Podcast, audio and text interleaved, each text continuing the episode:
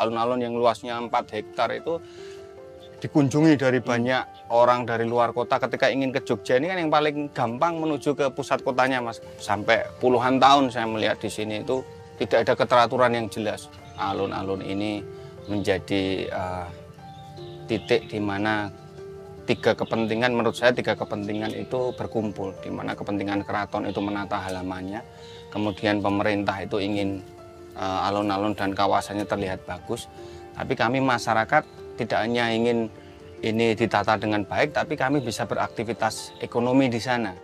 Cuplikan tadi menceritakan tentang tempat yang sudah tidak lagi asing bagi kita warga Yogyakarta, yaitu kawasan alun-alun utara. Ternyata, di balik kondisi alun-alun utara yang sudah rapi, seperti kita lihat sekarang, menyimpan banyak kisah menarik yang dapat kita dengarkan melalui perbincangan dengan narasumber spesial kita kali ini, Fuad Andriago. Dia adalah Ketua Forum Komunikasi Komunitas Alun-Alun Utara. Penasaran dengan cerita yang lebih lengkap? Stay tune.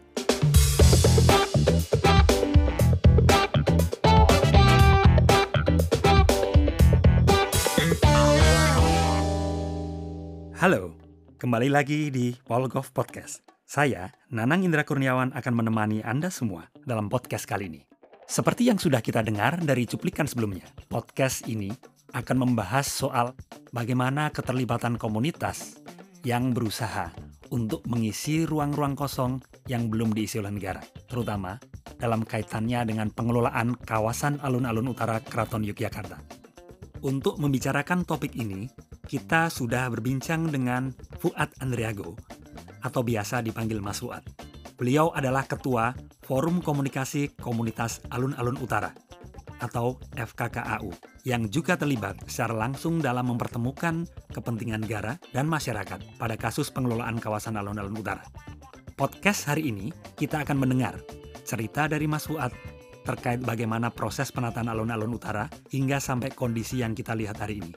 Sebelum lebih jauh ke sana, mari kita dengarkan terlebih dahulu bagaimana kondisi alun-alun utara sebelum adanya penataan dan pengelolaan dari negara, komunitas, dan masyarakat e, kalau saya bisa menggambarkan dulu sebelum penataan ya Mas Nanang. Jadi alun-alun itu menjadi pusat e, di mana aktivitas masyarakat itu ini kan bertetangga nih keraton dengan masyarakat sekitar ini.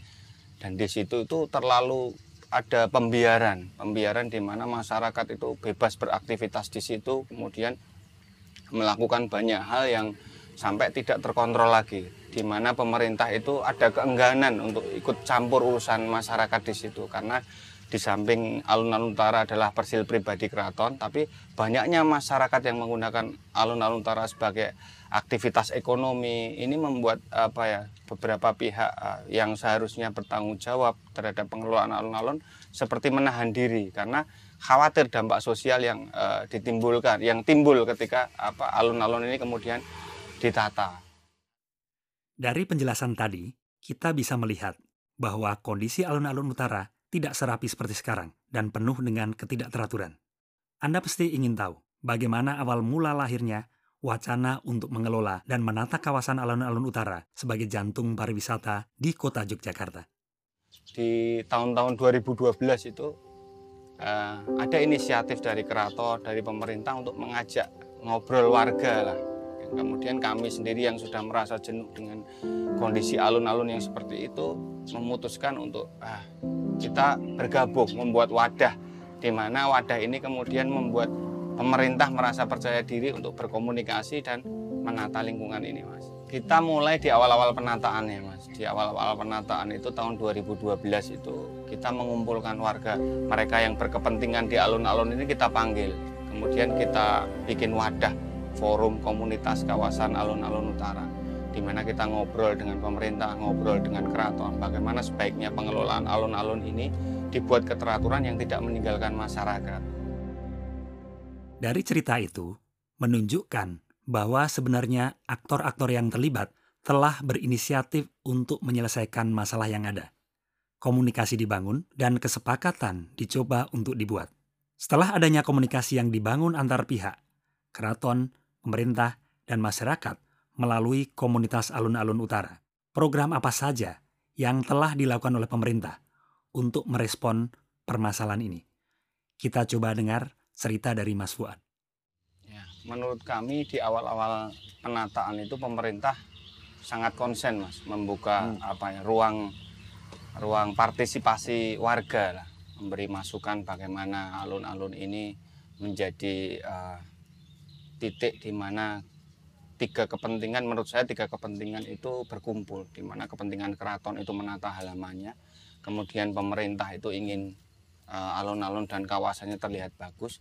Tapi kami masyarakat tidak hanya ingin ini ditata dengan baik tapi kami bisa beraktivitas ekonomi di sana di mana yang tadinya tanpa keteraturan bisa tetap uh, kita mencari nafkah di situ dengan keteraturan. Ini kan yang membuat apa kemudian uh, apa yang kita sampaikan di pemerintah itu bisa uh, kolaborasi lah. Apa yang sudah dilakukan pemerintah sangat kita apresiasi dulu. Seperti program pengalian uh, pekerjaan seperti pengamanan budaya. Mereka yang tadinya tukang parkir hmm.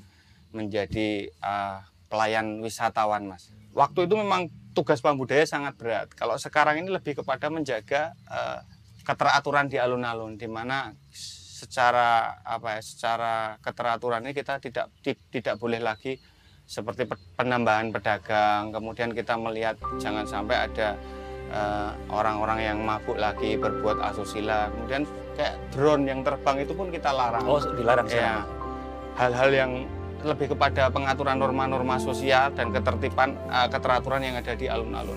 Kemudian program yang lain yang sudah dilakukan pemerintah adalah shuttle penghubung kawasan mas. Shuttle penghubung kawasan ini uh, kita waktu uh, mengosongkan alun-alun ini harus berkomunikasi dengan parkir-parkir yang ada di luar alun-alun mas. Karena kita harus mindah bus yang biasa parkir Betul. di alun-alun menjadi parkir di uh, luar alun-alun di lokasi-lokasi parkir. Bagaimana kita harus berkomunikasi dengan uh, warga yang uh, sebelumnya ada di komunitas komunitas parkir itu kemudian kita menciptakan uh, keteraturan melalui program shuttle wisata Jogja ini.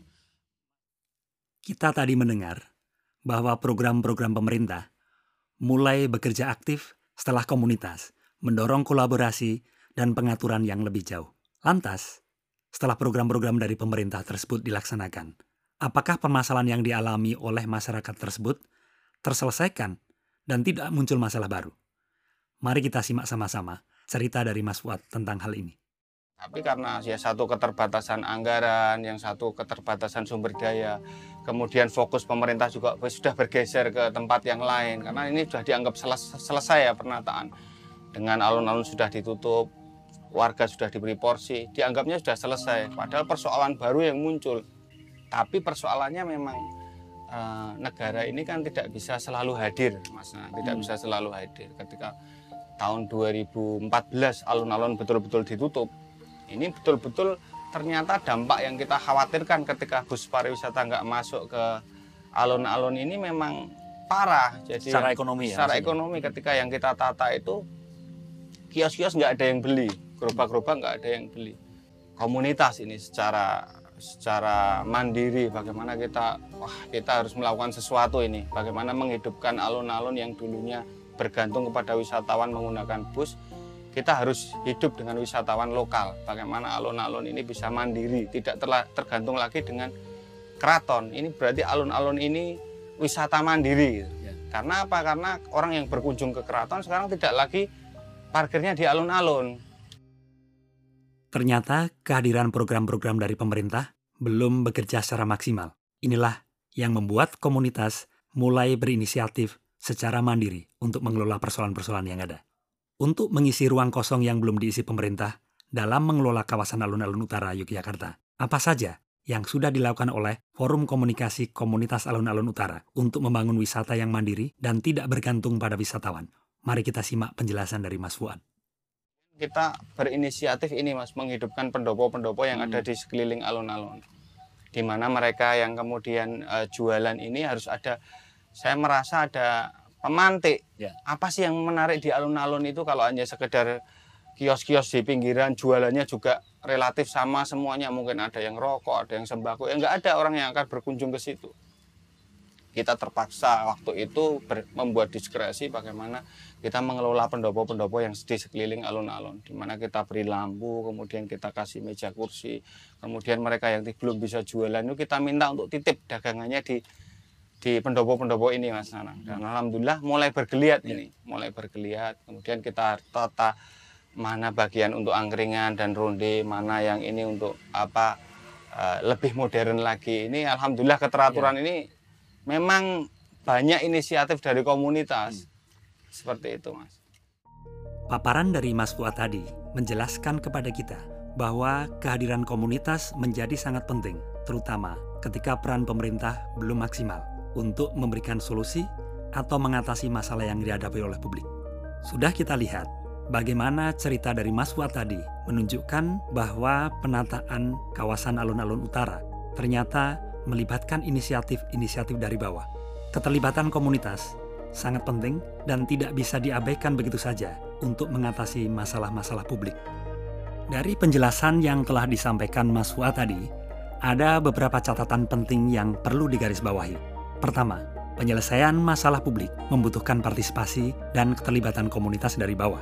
Kedua, perlu dibangun sinergi dan kolaborasi yang kuat antara pemangku kepentingan, terutama pemerintah, institusi tradisional, dan masyarakat. Tidak terasa, Perbincangan kita kali ini telah sampai pada akhir. Semoga topik kita kali ini menjadi tambahan pengetahuan bagi kita semua. Tetap terhubung bersama kami, entah lewat Facebook, YouTube, Instagram, atau Twitter at DPP UGM atau Departemen Politik dan Pemerintahan UGM. Saya Nanang Indra Kurniawan, pamit undur diri dulu. Sampai bertemu di podcast Polgov Talk selanjutnya. Sampai jumpa.